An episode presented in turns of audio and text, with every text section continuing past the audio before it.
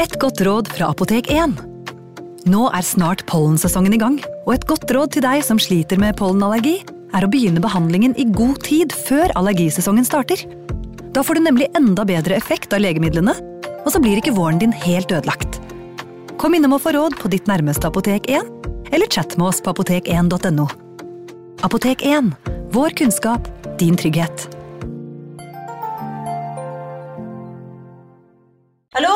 Jeg kommer fra Oslo politikammer. Ine Jansen er purk. Er du purk? The motherfucking bitch. Alt jeg vil, er å finne ut hva som skjedde med mannen min. Jon Carew. Er jeg sikta for noe? Iben Akeli. Det er du. Ole So, Lars Berrum og Big Daddy Karsten. Hvem sin side er du på, egentlig? Anette Hoff, Tone Danielsen, Kommer du fra Afrika? Jørnis Josef, Nesten. Kløfta. Trond Espen Seim, Det er synd å si det, men det var feil mann som døde. Purk. Premiere tirsdag på TV2 Play. Ungsamtalen fra DNB er økonomisk veiledning tilpasset deg som er ung. Bokk en ungsamtale på dnb.no. slash ung. Det er kjempebra hvis du skal inn på boligmarkedet, hvis det er drømmen din, liksom. Det er det du skulle sagt. Og så kunne du ropt litt mer, da, sånn som jeg gjorde. Bam! Advarsel. Historiene vi forteller i denne podkasten kan være fiktive og avvike fra den opprinnelige historien av dramaturgiske årsaker. Meninger og påstander i historiene reflekterer nødvendigvis ikke programledernes meninger eller virkeligheten.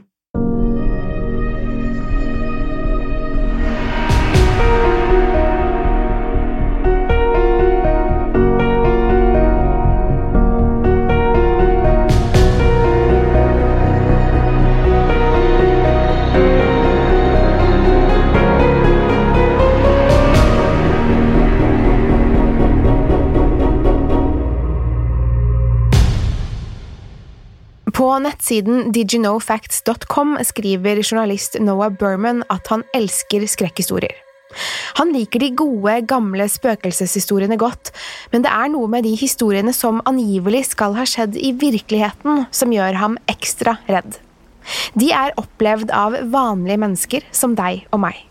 Historiene kommer fra anonyme innsendere som postet opplevelsene sine i en tråd på askreddit.com. Noen er veldig korte, andre litt lengre.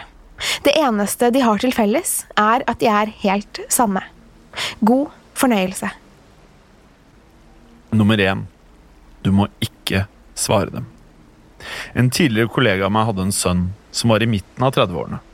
Denne sønnen hadde også en sønn, en liten gutt ved navn Hunter, på fire-fem år. Kollegaen min fortalte om Hunter ofte, og en dag sa hun at Hunter slet med voldsomme mareritt om natten. De var så ille at han ikke klarte å roe seg på kanskje en time etter han våknet fra dem. Han skrek, gråt og var livredd. Foreldrene hans lot derfor Hunter sove i deres seng de gangene han våknet av marerittene. En natt våknet faren til Hunter av at sønnen skrek etter ham. Han ropte dog ikke pappa, men navnet til faren, noe han aldri pleide å gjøre ellers. Faren sto opp og gikk gjennom den mørke gangen mot rommet til Hunter og vekket sønnen. Hunter, ropte du på meg? Er alt ok med deg? Hunter åpnet øynene sine, ser på faren med en slags steinansikt og sier Pappa, når de roper, må du ikke svare dem. Deretter lukker Hunter øynene og sovner igjen. Neste morgen spurte faren Hunter om det som skjedde natten før. Hunter husket ingenting. Jeg får fortsatt frysninger av å tenke på det. Nummer to Huset på Acron Street. Da jeg var 14 år, hadde familien min økonomiske problemer. Vi ble kastet ut av huset vårt og endte opp i en kommunal leilighet midlertidig mens vi ventet på å kunne finne noe mer permanent. Vi hadde ingenting og var avhengig av å få mat fra Frelsesarmeens suppekjøkken. Etter hvert fant vi til slutt et hus vi kunne leie relativt billig med hjelp fra kommunen. Huset var ekstremt billig, så billig at vi nesten ikke kunne tro det. Det var fint også, så jeg ble litt lei meg da det viste seg at vi bare kunne leie huset i tre måneder, altså over sommeren. Det var samme sommer som mamma og stefaren min separerte seg, så de tre yngre søsknene mine bodde litt hos faren sin og litt hos mamma. Jeg bodde kun hos mamma. Huset var skikkelig creepy. Det hele startet med den følelsen, du vet, som om noe ikke helt er som det skal, og at du sannsynligvis ikke er den eneste personen i rommet. På dagen var det eneste man merket, kun følelsen av at noen andre var der. akkurat som instinktene prøver å fortelle deg noe. Skjønner du hva jeg mener? Jeg prøvde så godt jeg kunne å ignorere det, men så snart kvelden og mørket kom, begynte ting å skje. Flere ganger kunne jeg høre en merkelig musikk spille, men fant aldri ut hvor musikken kom fra. Den kunne likevel høres i hele huset. Jeg hørte hvisking og gikk opp på søsteren min sitt rom og så at skapdøren var på gløtt. Sakte gikk jeg mot skapdøren og bøyde meg frem for å kikke inn. Der inne i mørket kunne jeg se to øyne kikke tilbake på meg. Deretter forsvant de. Broren min sov en eneste natt i huset, og nektet å sove der etter det. På mitt rom var det som om noen andre hersket over det. Det var liksom ikke mitt. På den ene veggen var det et speil, og om natten, hvis jeg snudde meg mot speilet, kunne jeg se skygger eller skikkelser bevege seg rundt i rommet. Jeg kunne bare se dem i speilet. De samme skyggene var også i mammas rom, de gikk sakte i sirkel rundt i rommet hennes. En natt satt vi i hennes rom og så på skyggene. Vi var livredde. Min mor er en veldig religiøs kvinne, så hun var sikker på at det var noe overnaturlig. Under tiden vi bodde i huset, var det også måneformørkelse en kveld. Jeg hadde aldri sett den før, så jeg gledet meg sånn til å få oppleve en. Da jeg gikk ut i bakhagen for å se på månen, det vil si hver gang jeg gikk ut i bakhagen for å se, slo det en slags altoppslukende redsel ned i meg. Den kom helt plutselig og gjorde meg livredd. Jeg fikk rett og slett en panisk dødsangst mens jeg var ute. Jeg kan ikke forklare det på noen annen måte. Jeg gikk inn flere ganger, og da forsvant redselen. Men med en gang jeg kom ut, var den tilbake. Helt til månen var fullstendig dekket. Da kikket jeg opp og kjente en ro jeg ikke hadde kjent før. Det varte i bare noen sekunder, for plutselig snudde jeg hodet skarpt til venstre, så skarpt at jeg fikk vondt i nakken. Da så jeg dem, skyggene fra inne i huset. De svevde på en måte, i små sirkler mellom furutrærne i hagen. I panikk løp jeg opp på rommet mitt og gjemte meg under dynen. Jeg knep igjen øynene så hardt jeg kunne, men hørte skyggene rett utenfor vinduet mitt. Tre måneder med dette. Vi flyttet da sommeren var over, mamma og stefaren min ble heldigvis sammen igjen, og hele familien var savnet. Vi var alle enige om at det var noe ondt i huset på Acron Street, noe som ikke tilhørte denne verden. Jeg får fortsatt frysninger når jeg kjører forbi huset. Nummer tre. Jeg hadde alltid den samme drømmen. Frem til jeg var åtte år gammel, bodde jeg i et veldig gammelt hus, som i alle år hadde vært i slekten. Mange hadde bodd i huset gjennom generasjonene, helt til min mor hadde fått nøklene og vi flyttet inn. Huset var nå vårt. Det var ikke så god stand, dessverre. To etasjer, en forfallen balkong i andre etasje, mugg og sopp i takene og et bitte lite bad. Doen var ute. Vi hadde altså utedo, full av frosker og edderkopper. Ja, alle mulige kryp, egentlig. Det skal nevnes at vi bor i Australia så vi er godt vant med det meste av krypdyr, men jeg må innrømme at det var veldig ekkelt. Jeg var livredd som barn, redd for alt. Jeg er mye bedre nå. Jeg er nok tøffere enn de fleste av vennene mine, om jeg skal si det selv. Uansett, jeg tror grunnen til at jeg var så livredd for alt mulig, var huset vi bodde i. Huset jeg nettopp beskrev. Jeg husket at som barn hadde jeg alltid den samme drømmen hver eneste natt.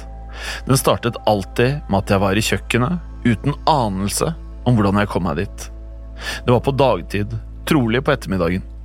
Ingen andre var der, så naturligvis gikk jeg rundt for å lete etter mamma og pappa. Jeg lette på de vanlige stedene. Mamma var ikke i vaskeskjulet eller i stuen. Pappa var ikke på terrassen, ute eller i låven. Søsteren min var heller ikke der. Jeg ble bekymret, litt redd kanskje, for jeg trodde at de hadde forlatt meg helt til jeg hørte en lyd over meg. Den kom fra andre etasje hvor soverommene var. Lettet gikk jeg mot trappen og hoppet på første trinn. Da følte jeg det. Det var noe inni meg som fikk meg til å stoppe. Jeg hadde allerede benet løftet, klar til å tråkke på trinn nummer to, men noe sa meg at jeg ikke skulle gjøre det. En tanke, eller kanskje en stemme i hodet mitt sa ikke gå opp dit. Ikke gå opp dit. Det er noe der. Jeg slo tanken vekk og satt benet på andre trinn. Jeg tvang meg selv opp trappene, selv om jeg ikke ville dit. Jeg turte ikke. Jeg klarte ikke å stoppe. Det var nesten som om kroppen min gikk opp av seg selv. Jeg beveget meg så sakte som når man går i vann. Alt jeg ville var å stoppe, løpe ned igjen og kanskje til besteforeldrene mine, eller et eller annet trygt sted.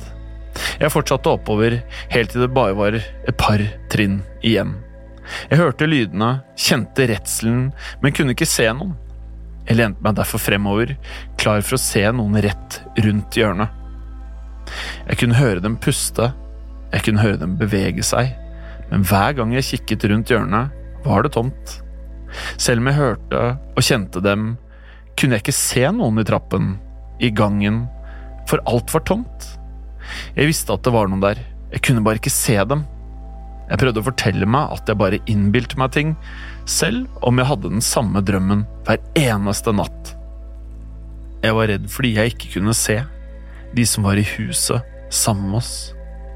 Hver gang jeg skulle gå opp trappen, i våken tilstand også, kjente jeg det samme nærværet. Jeg blunket med øynene for å forsikre meg om at jeg ikke drømte. Jeg kjenner det noen ganger ennå, til og med som voksen. Det er noen der. Nummer fire soveappen. For noen måneder siden lastet jeg ned en app på telefonen, en soveapp.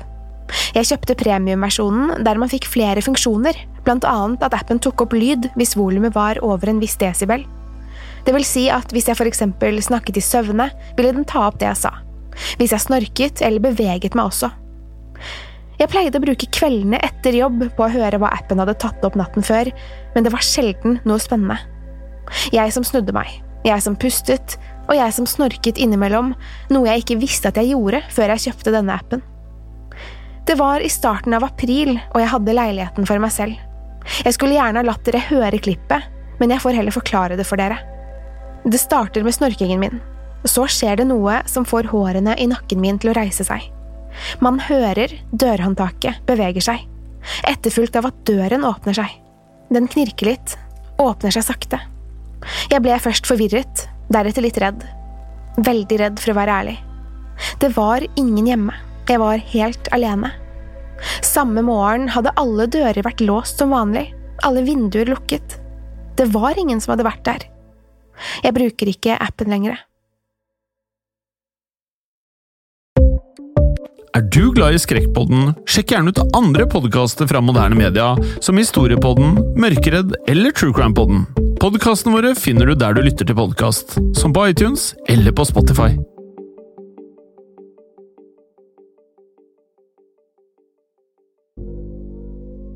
Nummer fem Lås dørene. Dette skjedde da jeg var åtte år, og det skremmer meg fortsatt den dag i dag. En kveld jeg skulle slippe hundene inn etter jeg hadde løpt i bakhagen, klokken må ha vært rundt ni på kvelden, det var bekmørkt ute, så jeg åpnet døren ganske kjapt, og begge hundene løp rett inn. I det samme de kom inn i stuen, lukket jeg og låste døren. Plutselig står en mørk skikkelse foran meg på andre siden av glassdøren. Han tok tak i dørhåndtaket, røsket i det. Han prøvde å komme seg inn, og jeg skrek av full hals. Pappa kom løpende og spurte hva det var. Da så han mannen, han også. Pappa løp mot glassdøren, og mannen snudde seg og la på sprang. Vi så aldri mannen igjen, og siden den gang har jeg alltid vært lynrask med å låse dørene etter meg. Man vet aldri hvem som prøver å komme seg inn. Nummer seks. Hvem var det?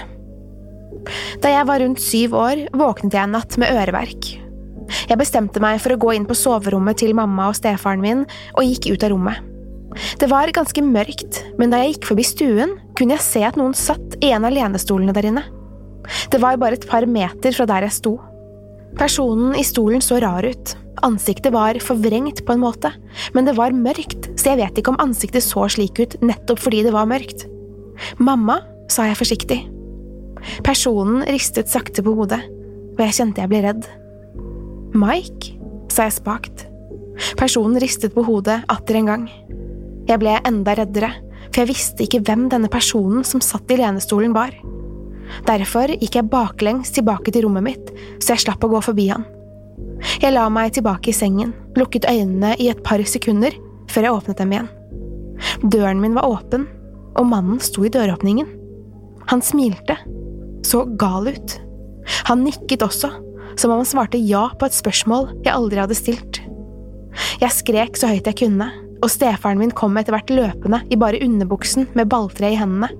Skremmende nok i seg selv, kanskje. Det var ingenting der. Ingenting i huset. Stefaren min lette overalt, og sa jeg sikkert hadde drømt det. At det ikke var noe farlig.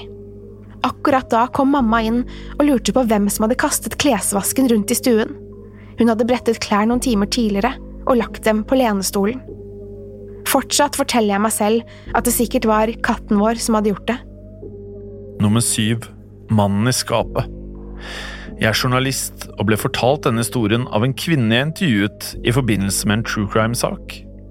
Da kvinnen var liten, kanskje åtte–ni år, hadde hun begynt å komme ned i stuen til foreldrene sine om kvelden. Hun hadde fortalt at det var en mann i skapet på rommet hennes. Faren hadde sagt at det ikke var noen mann i skapet, det var bare klær som så skumle ut siden det var mørkt. Han ba datteren gå opp og legge seg igjen, og forsikret henne om at alt var trygt. Dette skjedde hver kveld i over en uke, og faren begynner nå å bli frustrert. Ok, jeg skal vise deg at det ikke er noe i skapet ditt, kom, så går vi opp sammen. De går opp trappen og inn på rommet hennes, og faren åpner skapdøren noen centimeter før den plutselig lukker seg igjen som om noen drar døren til seg. Det var noen i skapet. Det var en mann der. Mannen hadde sneket seg inn i huset gjennom soveromsvinduet hennes og spionert på henne mens hun sov. Han hadde gjort det samme med flere i nabolaget. Faren hennes gir mannen kraftig juling før han ringer politiet, og mannen fikk en lang fengselsstraff. Jeg søkte etter informasjon om saken, kanskje 20 år etter det hadde skjedd. Det viste seg at mannen hadde rømt fra fengselet og aldri blitt funnet. Han har sannsynligvis vært ute siden, og kanskje sneket seg inn i enda flere hus. Nummer syv En usynlig venn. Tomten vi bodde på, var ganske stor, og mye av tomten besto av skog. Jeg var åtte år og nesten aldri alene hjemme, men hvis jeg var det, skjedde det noe rart. Kun hvis jeg var alene.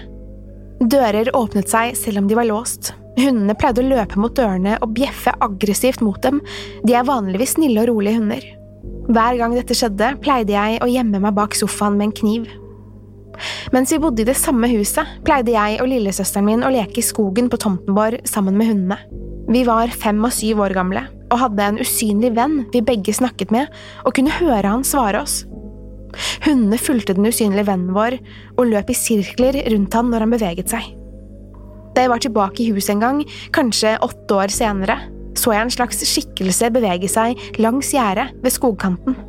Det var omtrent samme størrelse som den usynlige vennen vår, husker jeg at jeg tenkte. Da jeg fortalte det til søsteren min, sa hun at også hun hadde sett skikkelsen, men ingen andre hadde sett den. Det var ikke før i voksen alder at jeg tenkte over at det ikke kunne være fysisk mulig at vi begge hørte den usynlige vennen vår svare oss når vi lekte med han, og at hundene også hørte han. De skulle jo ikke ha kunnet se han, de heller, men det gjorde de. Jeg lurer på hvem den usynlige vennen vår var, egentlig. Eller er. Nummer åtte naboen. For noen år siden leide jeg en leilighet av en kompis. Han hadde nettopp kjøpt den og totalrenoverte den for å selge den igjen. Da han ikke fikk solgt den ved første forsøk, lot han meg leie den mens han prøvde å selge den for andre gang. Det var ikke lenge etter at jeg flyttet inn da jeg forsto at det var noe galt med naboen min. Hun var rundt 45 år, men så mye eldre ut. Om natten satt hun ofte oppe, våken og hørte på kristne radioprogrammer som sendte prekener, leste bibelvers og spilte såkalt Hillsong. Alt dette mens naboen min pratet ganske høylytt med noen. Det ble til slutt så plagsomt at jeg ikke fikk sove, så jeg gikk bort til hennes leilighet og ba henne pent om å dempe seg. Hun åpnet døren, og jeg fikk dermed se inn i leiligheten hennes. Veggene hadde malte kors i forskjellige farger overalt. Store kors, små kors. Ord som Jesus og engler var skrevet over veggene der korsene var påmalt. Vinduene var malt svarte, så lys ikke kunne trenge inn. Det var fuktig der inne, gulvteppene var gulnet og flekkete, det var hundebæsj og kakerlakker overalt. Men ingen hund, faktisk, så vidt jeg husker. Jeg spurte henne igjen om å dempe seg, men damen bare så på meg og lukket døren. Deretter skrudde hun lyden på enda høyere. Kvelden etter hadde jeg kjæresten min på overnatting.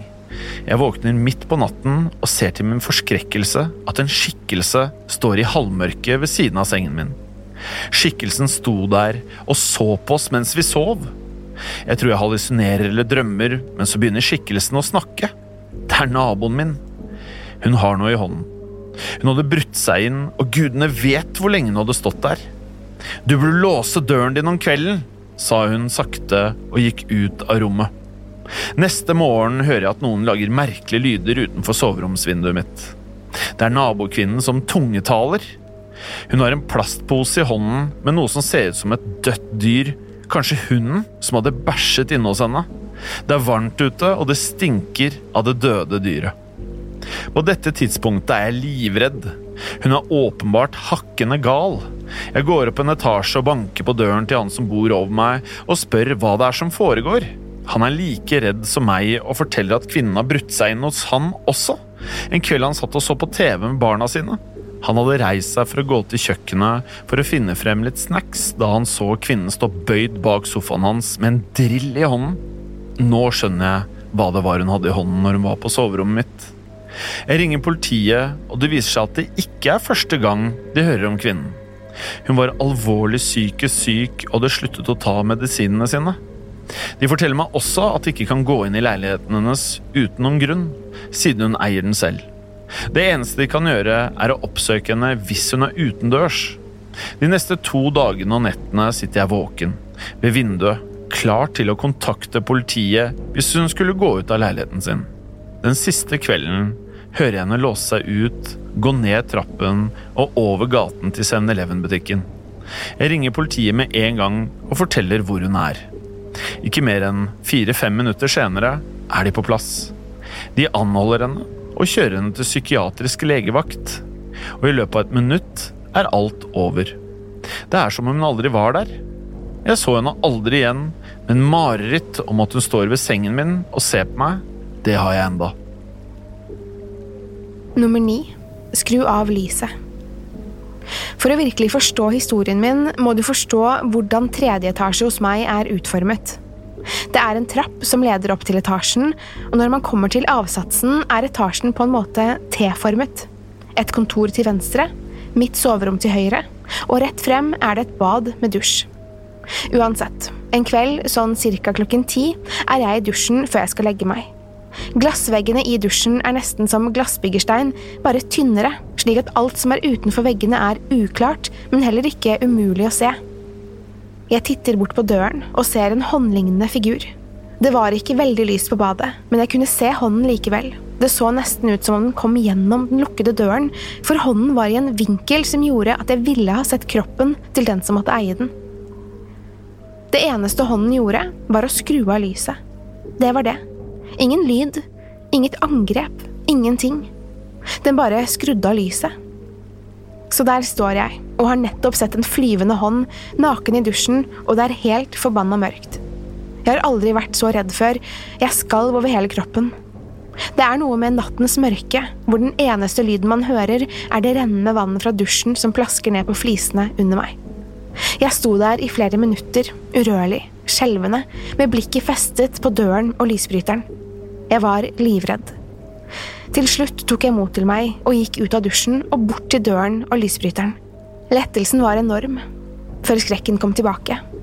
Det hadde jo vært noen her, og skrudd av lyset. Jeg har aldri klart å forklare det. Trappen opp til etasjen er gammel og knirker som bare det.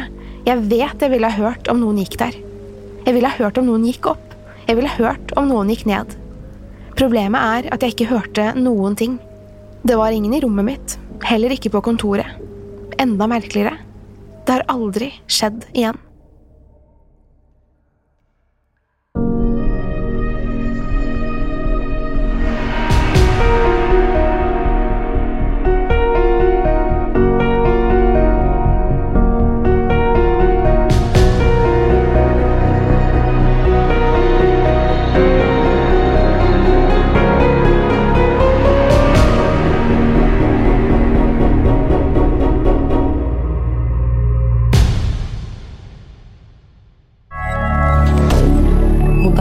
Media.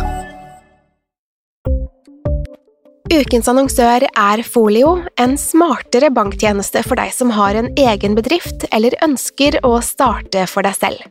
Folio er en superenkel nettbank for bedrifter. Som kunde i Folio får du en bedriftskonto med et bedriftskort og app. I denne appen er det smarte løsninger som forenkler regnskapet ditt, uansett om du har en liten bedrift eller et enkeltpersonsforetak. Folio er både intuitivt og brukervennlig, og er laget med et enkelt språk. I tillegg tilbyr de forutsigbare priser og ingen skjulte gebyrer.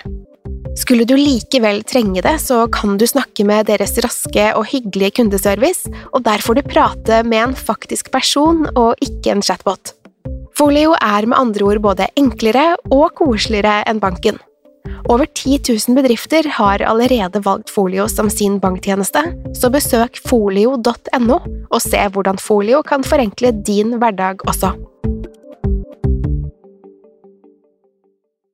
Har du et enkeltpersonforetak eller en liten bedrift? Da er du sikkert lei av å høre meg snakke om hvor enkelt det er med kvitteringer og bilag i fiken, så vi eh, gir oss her, vi. Fordi vi liker enkelt. Fiken superenkelt regnskap. Kiwi er billigst i VGs matbørs og har vært billigst i fire av de fem siste VGs matbørser. Og nå presser vi prisene på frukt og grønnsaker. På 200 gram broccolini setter vi prisen til 24,90. På 400 gram Cevita blåbær setter vi prisen til 49,90. Og husk, alle Kiwi Pluss-kunder får i tillegg 15% trumfbonus på all fersk frukt og grønt. For det er vi som er prispresserne. Og vi i Kiwi gir oss aldri på pris.